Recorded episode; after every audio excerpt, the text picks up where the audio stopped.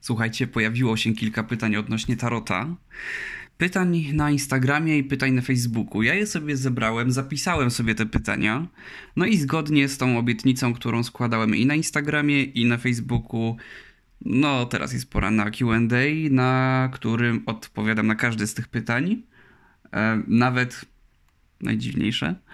No dobrze, słuchajcie, pytań jest 8. Postaram się dzisiaj odpowiedzieć na nie wszystkie. Jakby się okazało, że wyjdzie ten odcinek za długi, o Jezus, no to podzielę go na jakieś tam części, wiecie, tam zrobi się coś w stylu, nie wiem, że teraz się e, włączy powiedzmy część pierwszą tego Q&A, a najwyżej po prostu się potem dogra jakby kontynuację, nie? No może jeszcze w międzyczasie z jakimiś tam dodatkowymi pytaniami, gdyby coś się jeszcze pojawiło. Natomiast pierwsze pytanie, jakie zostało mi przez was zadane, skąd się wziął tarot?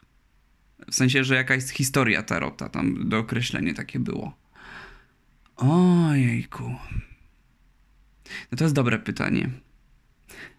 Można powiedzieć, że właściwie to od e, kilkuset lat ludzie zadają sobie to pytanie i nie znajdują jednej dobrej odpowiedzi.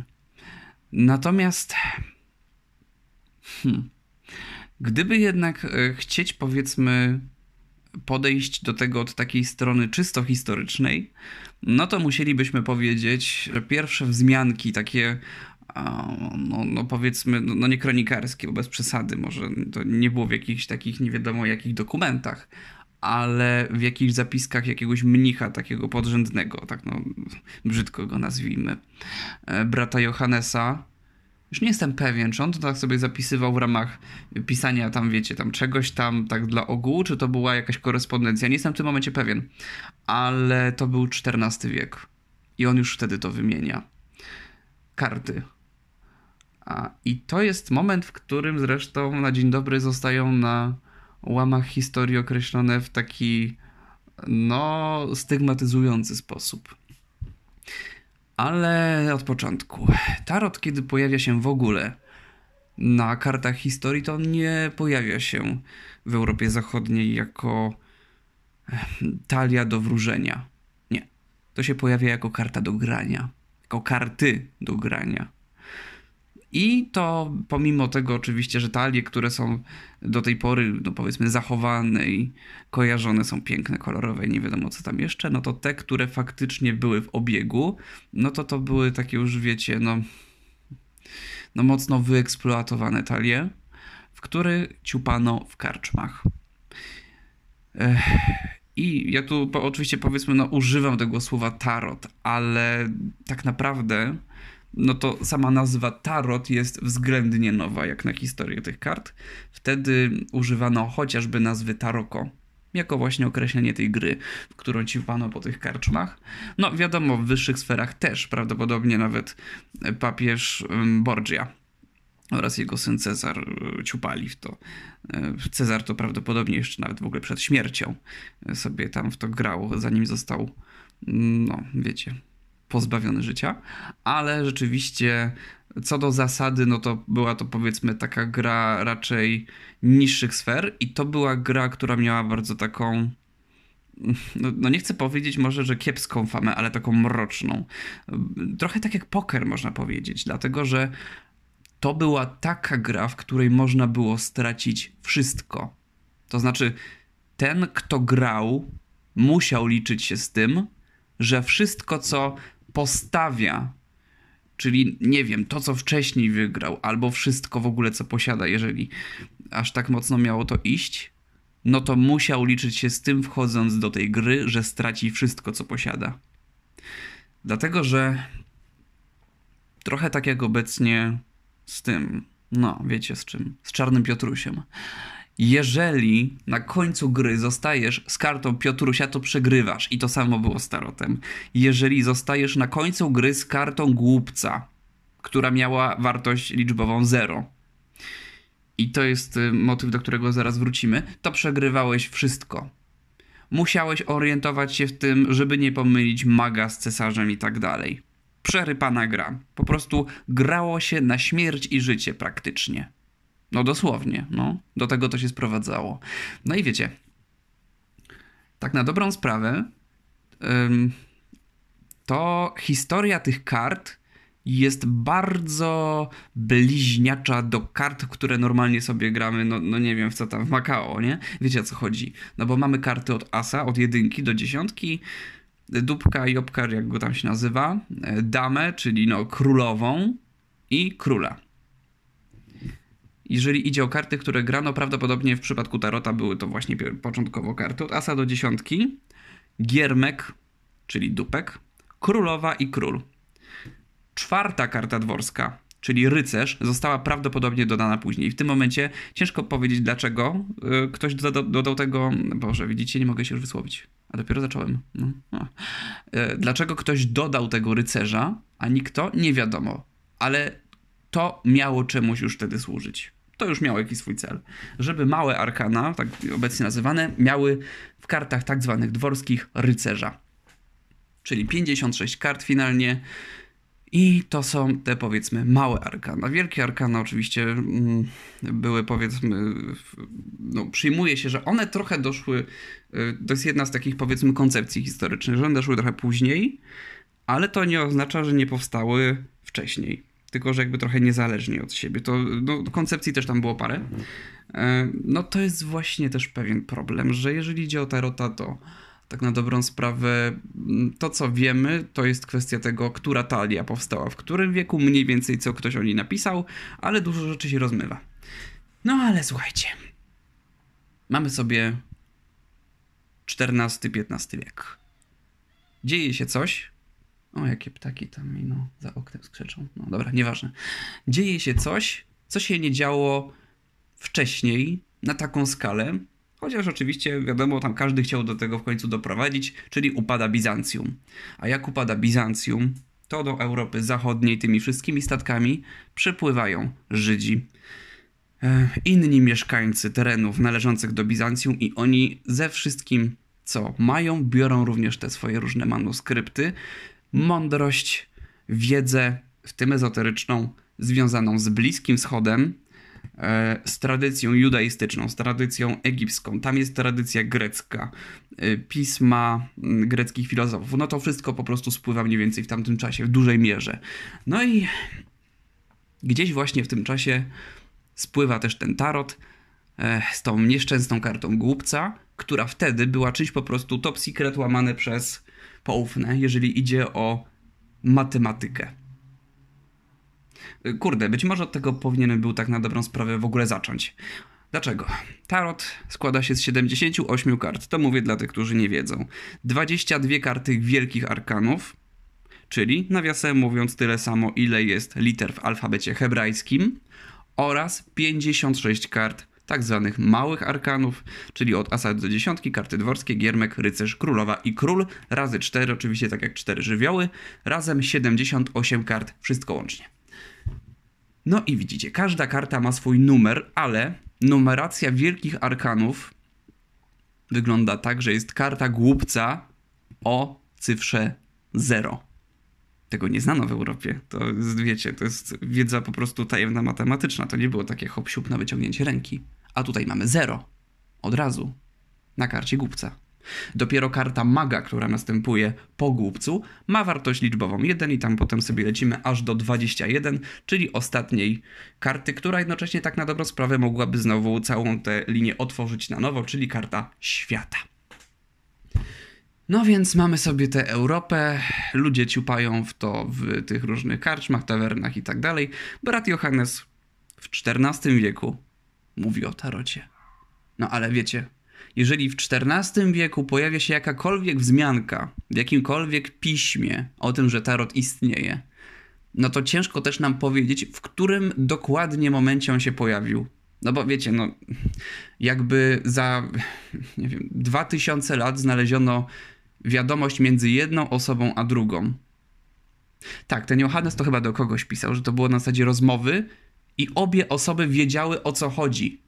W każdym razie są zapiski właśnie rozmów, korespondencji, gdzie obie osoby wiedzą, co to są za karty, nie trzeba było tego tłumaczyć sobie nawzajem, czyli, że w czasie XIV wieku to już musiało być znane. Gdyby za 2000 lat ktoś znalazł korespondencję na temat laptopa z 2022 roku, gdzie obu stronom wiadomo jest, czym jest laptop, no to wiadomo, że to nie oznacza, że laptop powstał w 2022 roku, no tylko, że to jest wcześniejsze, starsze, no nie? A proste. Tylko, że no z jakiegoś powodu akurat taka wiadomość se przetrwała do nie wiadomo jakich tam czasów. No to ciężko powiedzieć dokładnie, w którym momencie tak datowo tarot się pojawia. Wiemy, z którego okresu są konkretne talie. W XV wieku sypią się dwie. A, widzicie, tego jeszcze nie powiedziałem. To już od razu powiem, bo potem mogę zapomnieć. Brat Johannes pisze o tarocie, że tarot znaczy, no wiadomo, on nie używa, tak jak już powiedziałem, słowa tarot, ale odnosi się do tych kart. Że ten współcześnie rozumiany tarot to jest Biblia szatana. I teraz tak. Biblia. Biblia. Nie księga, nie pismo, nie zwój, nie manuskrypt. Biblia. Dlaczego? Biblia jest przekazem. Informacją, która płynie z jakiegoś źródła. No a szatana, no Boże święty, no to były takie czasy, że jeżeli Kościół czegoś sam nie usankcjonował i według niego to nie szło od Boga, no to wszystko inne musiało iść w takim razie od szatana. I tak Biblia szatana e, została przez e, brata Johannesa ukonstytuowana, tak werbalnie, nie? Jest taka książka, w ogóle na temat historii Tarota. Gdyby ktoś był ciekawy, to polecam. Ona nosi właśnie taki tytuł. Mam ją tutaj przed sobą, ale jak coś to nikomu nie pożyczę, bo potem mi książek nie oddają ludzie, więc ja już nie pożyczam książek. Ale możecie kupić ją sobie na Allegro, używaną oczywiście, za chyba tam, nie wiem, 15 zł. No to co to jest, nie? Raz nie zjeść obiadu. No, a się naczytać. E, nazywa się Biblia Szatana, Dzieje Kart Tarota, autorstwa Jana Witalda Suligi. Pan Suliga jest mm, naukowcem, który zajmuje się, e, który zajmuje się między innymi e, powiedzmy taką e, kulturą religijną wschodu i tego bliższego i dalszego w zasadzie też. Jest tarocistą od wielu, wielu, wielu lat, już tam ileś tych, ileś tych książek tam napisał. No i wydał coś takiego też już kupę lat temu. To są jakieś takie wznowienia sprzed. Jezus, czekajcie, z którego to jest roku to wydanie? No nie widzę tutaj. Wydawnictwo Poligraf. Aha. Projekt i skład Wojciech Ławski. Ty. Cena normalna 29 zł, ale. No, no dobra, no nieważne. No, Boże święty, no jakie to ma znaczenie? No żadne. No. E, jest książka, polecam. Tyle. Więc e, w XV wieku powstają talie, które są bardziej znane. E, talia Sforców Visconti, ich na zamówienie tych dwóch słynnych rodzin robiona. Mm, w ogóle wtedy powstawały takie talie, w których, no tak jak na, wiecie, witrażach w kościele, nie? Jak jest król, czy nam rycerz, no to trzeba tam wstawić facjata jakiegoś tam chłopka z rodziny, nie? Jakiegoś tam wujka, Heńka z Florencji, takie tam. Bogatego oczywiście. Później taki tarot, który jest faktycznie znany obecnie, używany mało tego, w miarę, w miarę często, to jest tarot marsylski. O Jezus, żebym was nie okłamał, XVII wiek chyba. Taka forma obecna tarota marsylskiego, jaka jest. I ona jest, y, tak się przyjmuje, najbardziej kabalistyczna. O kabale i o tarocie tutaj w ogóle teraz nie będę mówił, bo gdybym chciał wejść w ten temat, to już z góry, z głowy byliśmy, mielibyśmy chyba jakieś 40 minut, więc to nie ma sensu. E, będzie oddzielny odcinek, ewentualnie Tarota Kabała i w ogóle jakieś takie mini, mini tyci, tyci tam, no, wiadomości, co to w ogóle kabał jest, z czym to się je i dlaczego ktokolwiek tabał, kabałę połączył z tarotem. No. Ale to innym razem. No więc mamy tego tarota marsylskiego, myja tam trochę czasu znowu i w końcu ktoś dochodzi do takiego wniosku. E, no ja tu takim uproszczeniu lecę, nie? No bo to wiecie, to, to ma być dla przyjemności słuchane. Jak tam, nie wiem, myjecie gary, myjecie podłogę, gotujecie obiad, nie wiem, nudzicie się w pracy, cokolwiek. E, więc tu nie rzucam znowu jakimiś nie wiadomo jakimi danymi. E, zostało w końcu wymyślone, wpadł ktoś na to, taki pomysł, że ten tarot, zwłaszcza Wielkie Arkana, czyli karty od głupca do świata, to są nie takie zwykłe karty, tylko że to jest ta zaginiona, ezoteryczna księga Tota która miała przepaść z bodajże Biblioteki Aleksandryjskiej. To jest wielka mądrość jeszcze z czasów starożytnego Egiptu. I ona właśnie przetrwała w formie tych obrazków i przemawia e, tymi symbolami i archetypami zawartymi na, na kartach. No, no tak już wtedy określono. E, no, no co, no to, to jest pomysł, nie to jest koncepcja. No, no dowody są, no, no, nie ma, nie ma. No i powiedzmy to se tam potem tak leci. Generalnie ten tarot jako dywinacyjna forma, no to powiedzmy, że w taki oficjalny sposób to jest używany no, no, no, mniej więcej dopiero od tego czasu, tak na dobrą sprawę. Wcześniej to ciupano, nie? Gierki, gierki. E, no i akcja jest wreszcie taka, że w XIX wieku ezoteryczny, hermetyczny zakon Złotego Brzasku ma tam swoje kolejne, powiedzmy, tajemnice związane z interpretacjami Tarota. Jeżeli się nie mylę, chyba się nie mylę, no, no tak, to muszę, muszę się przyznać, że akurat tej informacji już dawno nie sprawdzałem, bo akurat w tym temacie to się wczytywałem już no, jakiś czas temu. Wydaje mi się, że niejaki Reader White był członkiem tego zakonu i stamtąd trochę właśnie to wyniósł i od jego projektu narysowanego przez panią Smith mamy słynną najsłynniejszą generalnie, tak na dobrą sprawę, talię tak zwaną Readera White'a, e, ale też się mówi, że talię, talię e, no, White Smith, dlatego że jednak, no dobra, on wymyślił, on był pomysłodawcą i tak dalej, koncepty, ale pani Smith to narysowała, więc nie ma co jej pomijać, absolutnie. No i to jest talia, która już tak na dobrą sprawę była zaprojektowana na potrzeby komercyjne, dla wszystkich na początku XIX wieku. E, Boże, co ja mówię, XX. Tam około 1905 roku, jeżeli się nie mylę. A potem, no to już poleciało z górki. Aleister, Aleister Crowley wymyślił swoją talię. Ona się obecnie nazywa mm, Tarot Tota. Pod taką nazwą można ją kupić. A potem, no to słuchajcie, to już Disneyland w ogóle. No, mm, w tym e, jakimś czasie, chyba za miesiąc albo za dwa, w ogóle ma wyjść talia Y, Stranger Things. No, różne są. Gra o Tron, ten y, Snoopy Dog. Snoopy Dog, tak się nazywa ten taki piesek? Chyba tak, nie? Albo, nie, albo Snoopy? Jezus, żebym nie pomylił ze Snoop Dogiem. No ten taki piesek, wiecie, on tam ma ten taki podłużny ryjek, mordkę, pysk i no, pysk. Czarno-biały. Snoopy chyba się nazywa, no chyba tak. No, no, to nawet z nim jest, słuchajcie, talia. No to już, y, Boże święty, no takie talie to już z tarotem mają chyba tyle wspólnego, co, no co nazwa, nie? Co nazwa. E, czy to jest tak na dobrą sprawę odpowiedź w miarę satysfakcjonująca na skąd się wziął tarot? Mm, szczerze mówiąc, nie wiem.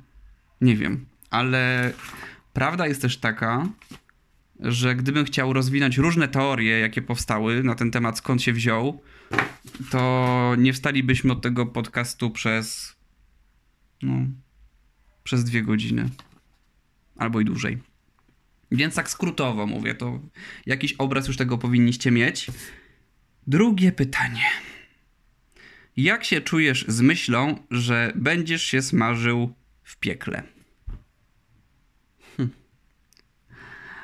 A, ym, no tak. No muszę chyba wyjść z szafy i to powiedzieć. No, no chyba muszę. No, no nie mam wyjścia. E, słuchajcie. Obecnie, no, no mówię obecnie, no bo wiadomo, przez wiele lat życia było inaczej, ale nie uważam się za katolika. I nie mogę powiedzieć, żebym pojmował świat po śmierci, niebo i piekło w taki sposób, w jaki pojmuje to katolicyzm, czy szerzej chrześcijaństwo. No. No tak. Ech. Rozumiem oczywiście, że chodzi o to stricte o tarot, i smażenie się w piekle. Wiecie co? Ja wiem, że to dla kościoła jest grzech. Mam tego świadomość. No i co? No, no co mam wam powiedzieć? No, no robię to. No robię to. Ale czy uważam, że z tego powodu będę ukarany? Szczerze? Nie. No, miało być szczerze, no to jest szczerze. Nie uważam, żebym z tego powodu miał być ukarany po śmierci. No, krzywdy to ja nikomu nie robię. Po prostu. A o jakichś tam szarlatanach, no to było w poprzednim odcinku. No słuchajcie, no, no co mam wam powiedzieć? No, no co mam wam powiedzieć? No prawda, kurde bele, w mordę jeża. Jakby to powiedział Boczek świętej pamięci, nie z kiepskich. No. O tym, jak ja powiedzmy widzę i co myślę na temat życia po śmierci, to nie wiem, może kiedyś nagram jakiś odcinek, chociaż nie wiem, czy to nie będzie już takie zbyt wiem, intymne. No, no wiecie o co chodzi. Nie wiem, czy ktoś będzie chciał tego słuchać, ale y, chociaż miałbym tutaj niezłe historie do powiedzenia. Natomiast y, no nie mogę powiedzieć, żebym postrzegał y, to, co się po śmierci stanie ze mną, czy tam z kimś innym, w mojej oczywiście takiej, nazwijmy to wizji, e, w sposób kompatybilny, taki związany z tym, jak na to patrzy e, no ksiądz katolicki na przykład. No nie, nie, ja tak tego nie widzę. Kurde, ruszyć teraz ten wątek, czy nie? Nie, dobra, to będzie na inny odcinek. Bo jak wejdę w temat reinkarnacji, to znowu wejdziemy do lasu. I będzie tak jak z teoriami na temat powstania Tarota. No. Jezus, no. Bez kitu. Na podstawie każdego z tych pytań normalnie można by było zrobić oddzielny odcinek. Każdy na godzinę, co najmniej. A tutaj już upłynęło tego czasu ile? Ile tam jest? No, 21 minut. Hmm. Myślałem, że pójdzie szybciej. Eee... No, no więc y, krótko i treściwie jeszcze raz. E, no, no nie mogę powiedzieć, żebym czuł się jakoś źle, no bo nie uważam, żebym płonął w piekle, nie? Ja wiem, że to pytanie oczywiście było ironiczne. E, pozdrawiam Adam. Ale no. Ale... No nie, no. No, no. no tyle w tym temacie. No cóż się tu będę bardziej no, rozdziabywał na części mniejsze. Trzecie pytanie. Prośba o opinię. I tu dwukropek. Temat, nie? tarot jako narzędzie do przepowiadania przyszłości. Nie chcę za bardzo może powtarzać tego, co było w poprzednich dwóch odcinkach, bo poniekąd to się pojawiło zarówno w odcinku pod tytułem Czy przyszłość jest przesądzona, jak i w odcinku pod tytułem Być może wróżka prawdę ci powie, więc spróbuję jakoś skondensować to, co mam do powiedzenia, e, ewentualnie skrótowo wskazać na to, co tam padło. Czy tarot potrafi przewidywać przyszłość, czy jest do tego narzędziem? No. No, w zasadzie to może. Przewidzieć przyszłość? Może. Ale. Znaczy inaczej, dobra, momencik, momencik, momencik. E, ostatnio powiedziałem, to dookreślę, żeby tu nie było wątpliwości. Ostatnim razem powiedziałem, że tarot nie pokazuje y, przyszłości, tylko możliwości. I tego się cały czas trzymam. Czy tarot może przewidzieć przyszłość? No, no słuchajcie, jeżeli absolutnie nic się nie zmieni, jeżeli osoba, której się stawia, nie zrobi nic, żeby zapobiec wersji tej prognozie, no nie, tej prognozie pogody, jeżeli nic nie zrobi, żeby zapobiec temu, co może się stać, jeżeli to jest coś niefajnego, nie? Albo jeżeli nie zrobi właśnie nic, żeby stało się coś dobrego. Pokroju, no, znajdziesz dobrą pracę, ale to jest znajdziesz dobrą pracę oczywiście w, w takim wielkim, wiecie, kwadratowym nawiasie, że musisz jej szukać. Sama to nie przylezie. Więc z jednej strony, w przypadku pewnego zaniechania, nic nie robimy, dzieje się coś złego, albo działania, robimy coś, żeby stało się coś no fajnego, nie? Oczekiwanego, no to można powiedzieć, tak, Tarot przepowiedział przyszłość. Ale to nie oznaczało, że tej przyszłości nie dało się jakoś zmodyfikować. Nie potrafię powiedzieć, czy to, co y, przez Tarot było powiedziane, było czymś powiedzmy takim karmicznym, jak spotkania niektórych ludzi, jakieś tam wydarzenia pojedyncze, e, momenty z życia, że no być może trzeba było do nich doprowadzić, że one musiały się stać tylko ewentualnie na różne sposoby, innymi drogami i tak dalej. Nie wiem. No jednej takiej czarno-białej odpowiedzi to wam na to pytanie nie dam. W karmę wierzę. Um, natomiast tarot jako narzędzie do przepowiadania przyszłości e, sprawa jest taka. O im dłuższy okres się pyta, tak jak z prognozą pogody zresztą, o im dłuższy okres pytasz, no tym większe prawdopodobieństwo, że to wszędzie gdzieś jerdzielnie po drodze, nie? No bo przyszłość jest takim gobelinem, co tam gdzieś się tka i wiecie, i tam się rzeczy zmieniają. Ma na to wpływ e, twoja decyzja, twoje wybory i wybory innych osób. Tarot pokazuje to, co na podstawie tego, co robisz ty, co robicie wy, co robi ktoś inny, co robią wszyscy w danym temacie, co ma z czymś związek, na dany moment pokazuje, do czego to doprowadza lub może doprowadzić. To jest dobre narzędzie do przepowiadania przyszłości, jest skuteczne w odpowiednich oczywiście rękach. No to Boże Święty, prosta sprawa. Ale nie oznacza to, po pierwsze, że osoba, która stawia karty jest nieomylna. No a co wy myślicie? Boże Święty, no prosta sprawa, ja też się pierdzielnąłem parę razy. E, I to jakby na tej zasadzie, że karty mówiły dobrze, tylko człowiek na przykład na takim, zwłaszcza bardzo, bardzo wczesnym etapie zajmowania się tym, e, no to jeszcze strzelał pewne gafy, albo e, akurat to przejdziemy do, to jest kolejne pytanie. Tak, czwarte pytanie.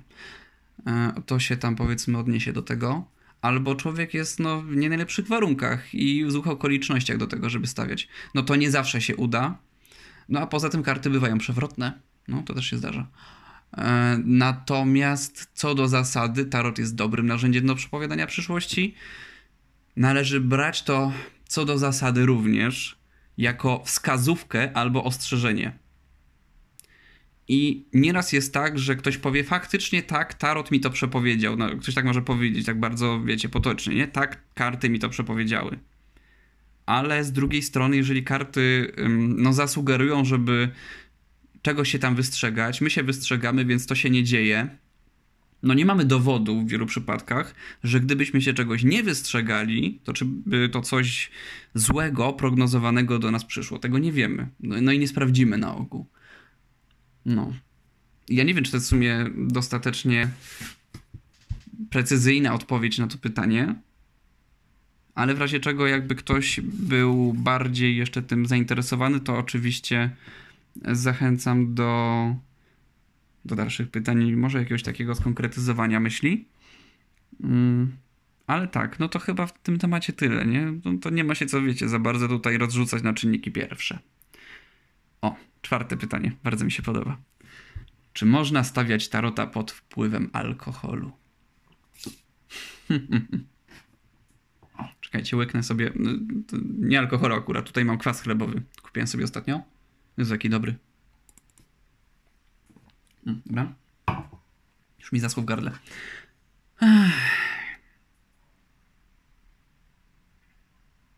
Zapadła cisza, bo to jest najgorsze, że znam odpowiedź na to pytanie, ale w życiu różnie bywa.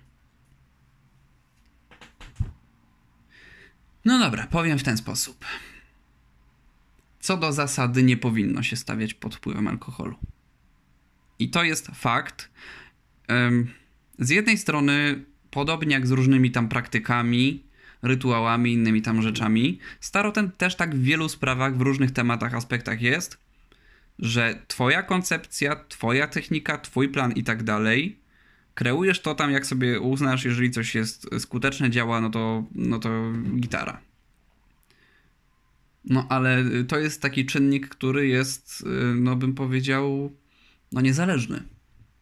Jak jesteś pod wpływem alkoholu, jak się nawalisz, jesteś po, po, po ilu tam, powiedzmy po, po sześciu, no niech będzie, po sześciu drinkach rumu z kolą, Bacardi na przykład no taka reklama, za którą nikt mi nie zapłaci. Po sześciu szklankach Bacardi z kolą w klubie ze szklanki, e, no to nie jest dobry moment na stawianie tarota. Po pierwsze, może nic nie wychodzić.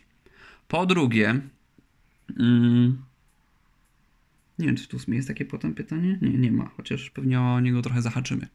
Um, albo jest? Nie, nie ma, dobra. Po drugie, no, są różne koncepcje, jak ten tarot działa, na czym to polega, z czym to się je i tak dalej. No jest pewne ryzyko, że jak robisz to nawalony jak dzika świnia, obrzydliwa, to wtedy ściągasz sobie, możesz sobie ściągnąć różne niefajne tak zwane astralne syfy. tego całego, powiedzmy, diabła, nie? O którym Kościół tak trąbi. No to nie będzie diabł, to będzie jakiś może mały syfek, nie? Że robisz coś, w sensie otwierasz się, no jakby nie było jednak ezoterycznie, pod wpływem czegoś, co bardzo, no jakby to powiedział ktoś związany z takimi energiami od strony zwłaszcza takiej, mm, no nie chcę powiedzieć naukowej, ale zajmującej się zwłaszcza tak dydaktycznie powiedzmy, że obniżasz sobie wibracje. No chyba, chociaż z drugiej strony to jest w ogóle takie, wydaje mi się, racjonalne dla każdego, nie? Jesteś nawalony jak świnia, obniżasz swoje wibracje. Jesteś naćpany, masz obniżone wibracje. Że jakby tak człowiek jest taki trochę, no, podupadły, nie wiecie o co chodzi. No to z tym nie ma co dyskutować, no tak po prostu jest. I faktycznie można sobie ściągnąć wtedy różne syfy. To nie ma związku nawet z tarotem. W sensie to, to nie musiałby być tarot, to mogłoby być cokolwiek innego. Jak robisz wtedy cokolwiek, co ma związek z jakimiś sferami, powiedzmy, ezoterycznymi, w ogóle z wychodzeniem nawet. Ja myślę, że gdybyś próbował czy próbowała e, świadomego snu, będąc pod takim wpływem alkoholu albo po narkotykach, to mogłoby być dokładnie to samo zagrożenie. Do tego wcale nie trzeba tarota akurat. Natomiast e, generalnie nie polecam. W dużych ilościach. Bo nie ukrywam, że kiedy ja stawiam karty, to lubię sobie nalać kieliszek czerwonego winka no czy tam jakiegoś, nie wiem, drineczka, ale to tak wiecie, no jedna powiedzmy jak szklanka, że to taki może stan, że wiecie, tam człowiek troszeczkę jest leciutko wesoły, ale to tak wiecie, że was tak trochę podkręci, ale absolutnie, absolutnie, żeby nie być nawalonym, w ogóle. Możecie tak się napić, wiecie, na zasadzie, a tak trochę dla smaku, tak coś tam, ale nie, nie polecam. Nie polecam być nawalonym. Tak symbolicznie czy coś, spoko, ja rozumiem, no bo tak jak mówię, no mnie po winku czerwonym, jak tam wypiję sobie szklankę, yy, boże, kieliszek, no szklanki to nie, no bez przesady. Ale jak wypiję sobie kieliszek tak czerwonego winka, no to jakoś tak bym powiedział, ten flow jest większy faktycznie. Chociaż yy, być może trochę i gram z, z ogniem faktycznie swoją drogą. Być może nie powinienem był tego robić. Yy, chociaż mówię, no po takim kieliszku, czy po jednej szklance tam jakiegoś, nie wiem, piwa, czy tam jakiegoś E, lekkiego drinka, no to nic się nie dzieje. W sensie takim, że no, człowiek nie ma poczucia jakiegoś zagrożenia czy mm, no, niebezpieczeństwa. To jest, to jest ok. Natomiast jak jesteś nawalony jak dzika świnia, odradzam. Lepiej nie. Więc odpowiadając na pytanie, nie można. Moim zdaniem. I nie tylko moim. Piąte pytanie. Wiedziałem, że się pojawi. Wiedziałem. Czy tarot może opętać. Nie. Tarot to są tylko karty. To są kolorowe kartoniki. To są tylko i wyłącznie karty. No. Słuchajcie, na temat tego, jak tarot działa, koncepcji jest wiele. Niedawno słuchałem takiej audycji z Radia Niepokalanów, gdzie pani prowadząca rozmawiała z pewnym księdzem. I ten ksiądz... Yy... Ja pierdzielę. Co za ignorant. Co za kuźde ignorant yy, w sutannie. No po prostu, wiecie co? Jakby, no ja rozumiem, że jak jesteś księdzem, no to nie będziesz specjalnie wchodzić w tematykę tarota, no bo unikasz tego jak diabeł święconej wody. Ale no jeżeli chcesz już się wypowiadać i udzielać jakichś wskazówek, rad, nie wiadomo czego jeszcze, no to kurde bele, zorientuj się chociaż minimalnie w temacie. W sensie zrób research, a nie mów tego, co ci się wydaje, bo to taki ekspert, to wiecie, to, jak w TVP Info, nie? O kant dupy po prostu, rodstus. No, no to właśnie tutaj był taki poziom. Chłopisko stwierdziło, że mm, Tutaj jest tasowanie. Na Hebiu trafił i osoba, która wykłada te karty, ona tak na dobrą sprawę to w nich w sumie tam niewiele widzi, albo w zasadzie to i nic nie widzi, bo ona może mieć ułudę tego, że coś widzi w kartach, a tak naprawdę wszystko, co może powiedzieć, to jest niezależne od tego, co akurat wyszło w kartach, jakaś tam, wiecie, wskazówka po prostu prosto do ucha szatana. Nie. Słuchajcie, z tarotem jest tak samo jak z kartami Lenormand, tak samo jak z wahadłem i z wieloma innymi rzeczami i o tym mówiłem w poprzednim odcinku. Do tego trzeba się, no, no powiedzmy to sobie szczerze, do tego trzeba się po prostu nadawać. Do tego trzeba się nadawać i posiadać e, intuicję, nad którą chcesz pracować. to po prostu nie jest dla wszystkich. No tak samo jak nie każdy będzie, wiecie, kierowcą rajdowym, nie każdy będzie malarzem, muzykiem i tak dalej. No nie umiem grać na gitarze ani na żadnym instrumencie. No, no po prostu, nie? W Simsach mi nie przyznano tych umiejętności, tych skilli. Zajmuję się w wolnym czasie, absolutnie w sposób niezwiązany zawodowo, no takimi rzeczami. To mi po pierwsze sprawia przyjemność, po drugie mi do tego ciągło od zawsze. Od zawsze. E, tylko bardzo późno się za to wziąłem, ale o tym za. E, a po trzecie, no, słuchajcie. O Jezus, czekajcie, chyba wątek zgubiłem. Zaraz, co ja tam powiedziałem? O Jezus, moment. Boże. E, telefon jest, słuchajcie, na tym statywie, takim trójnogim i przez momencik to ten statyw by mi właśnie poleciał.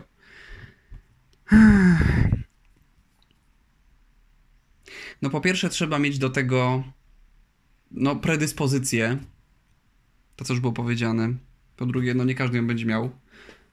Ale też trzeba oprócz tego nabywać wiedzę. To znaczy, oczywiście, wiecie, można robić to na intuicji, gdzie wiedza jest jakby budowana w trakcie, no bo na tym to polega.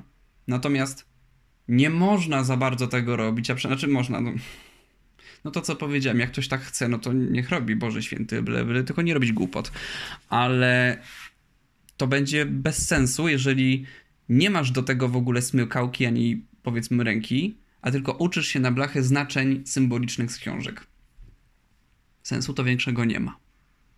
Natomiast nauka tarota jako nauka symboli, archetypów, tego co jest związane z poszczególnymi kartami i małych arkanów i wielkich arkanów, to wszystko, to wszystko no to jest nauka, która się nie kończy. To jest nauka, która się nie kończy. Jeżeli ktoś mówi, że ma 40 lat, od powiedzmy 22 lat zajmuje się tarotem i on już w ogóle wszystko wie, czy tam ona. Zwykle ona, prawda? Bo najczęściej jednak to kobiety się tym zajmują. E, no bo kobiety częściej mają, częściej niż mężczyźni, mają bardziej rozwiniętą intuicję. No taka prawda. E, no to słuchajcie, no jeżeli ktoś taki powie, że już nic się nie musi uczyć, bo on już o tarocie wie wszystko, to znaczy, że chyba nie do końca rozumie jego idea i sens. Takie jest moje zdanie. Natomiast, czekajcie, jeszcze łyczek tego kwasu chlebowego. O, jaki pyszny. Natomiast i ta, ta właśnie intuicja jest potrzebna po to między innymi, żeby po pierwsze no, no nie powiem, że wiedzieć, ale mieć takie poczucie, w którym momencie przestać tasować. Ty nie wiesz, jaka karta jest pod tym rewersem. Jak się karty poukładały, czy są też do góry nogami, czy są w pozycji prostej, bo to ma znaczenie. Ale przestajesz tasować wtedy, kiedy uznasz, że to jest ten moment, i to jest kluczowe też przecież w tym wszystkim. Potem wykładasz karty, widzisz co i jak. Załóżmy, że masz rozkład, więc wiesz, co w tym rozkładzie, które miejsce będzie za co odpowiadało. O czym dana karta w danym miejscu rozkładu powinna mówić. No i wiecie co? Sprawa jest taka, że jakkolwiek oczywiście, no, znaczeń pewnych kart się nie przekombinuje. Słuchajcie, jak jest dziesiątka mieczy, to nikt mi nie powie, że to jest pozytywna karta albo um, mamy, dajmy na to, kartę śmierci w pozycji prostej, że to jest karta no czego? Stagnacji, że nic się nie zmienia. Jakby karta była w pozycji odwróconej, to tak. No chyba, że z rozkładu tak człowiek ma to wynikać, nie? Że jakaś tam przeszkoda mm, albo że coś się nie dzieje, no to tak. To wtedy możemy powiedzieć karta śmierci z kartą stagnacji. Dodam tutaj na marginesie, żeby dla wszystkich było jasne, karta śmierci nie oznacza śmierci pytającego, ani osoby, o którą ewentualnie pytający mógłby pytać. Dlatego, że karta śmierci oznacza zmianę. no coś się kończy, coś się zaczyna. Transformacja. Yy, wiecie co? Znaczy, powiem tak, mnie śmierć czyjaś to w kartach jeszcze nie wyszła. No całe szczęście zresztą, bo mm, i tak bym tego nie powiedział oczywiście.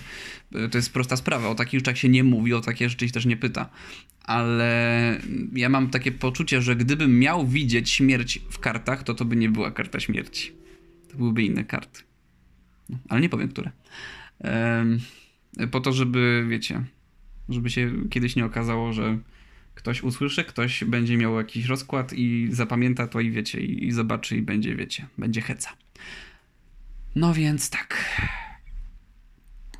No to po prostu jest w dużej mierze kwestia nie kolorowych kart, tylko osoby, która stawia. I to jest jedna z koncepcji, do których ja się przystawiam. Dokładnie tak samo jak w przypadku wahadła.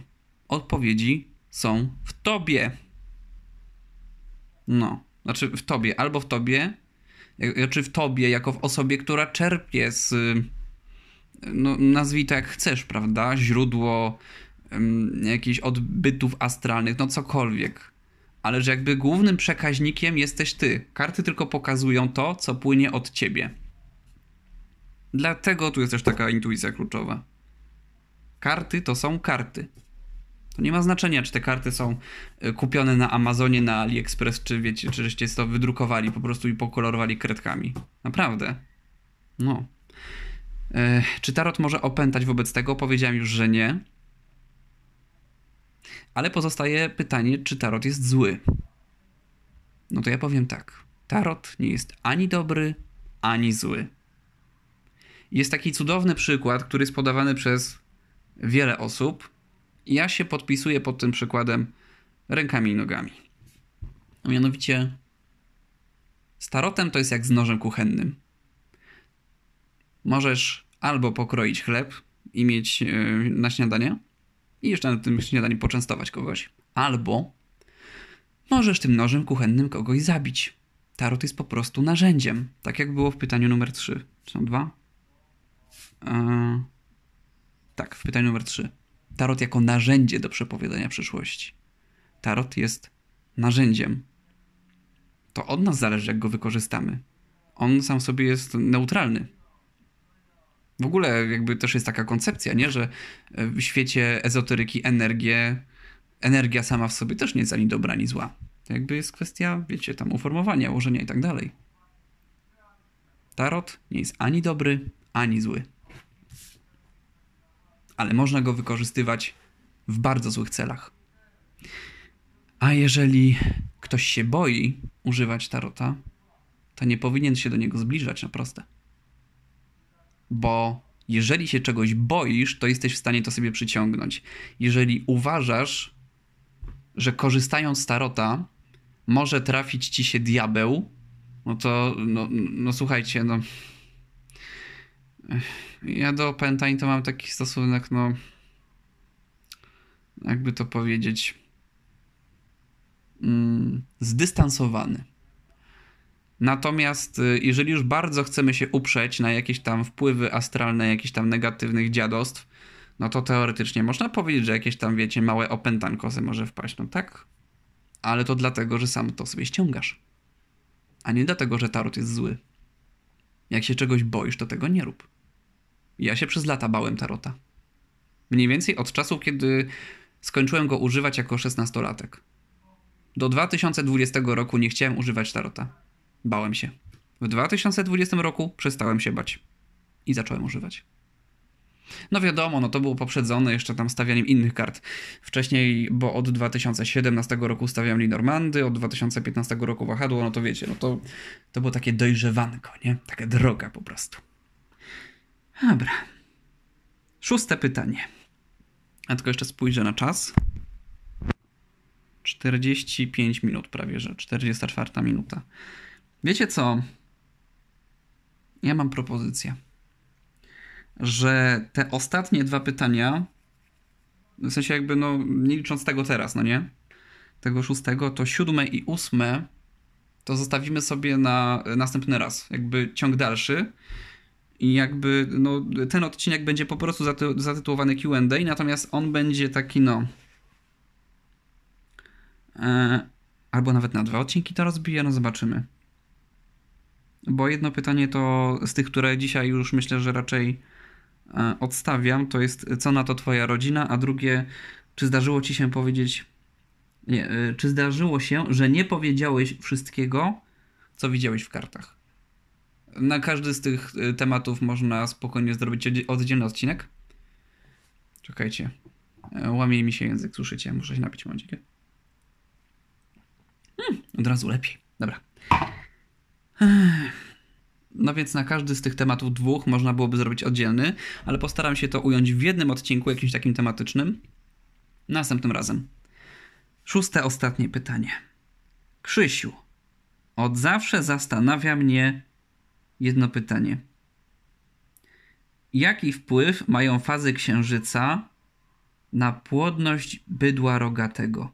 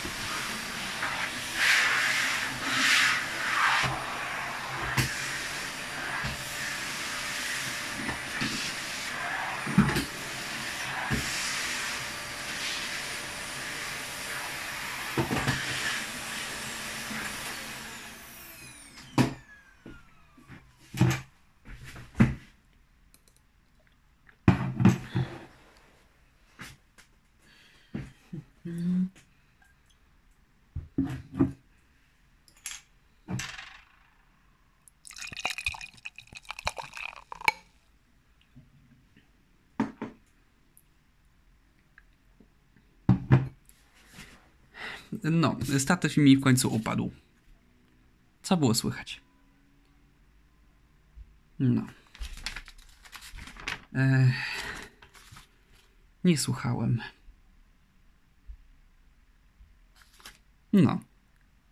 No to chyba wszystko jasne. No to w takim razie, słuchajcie, kochani, słyszymy się następnym razem. Bardzo Was proszę, jeżeli Wam się podobało, zasubskrybujcie mój kanał, dajcie łapkę w górę. Jeżeli macie jakiekolwiek pytania albo czymś chcielibyście się podzielić, napiszcie w komentarzach. A tymczasem się już z Wami żegnam. No to pa.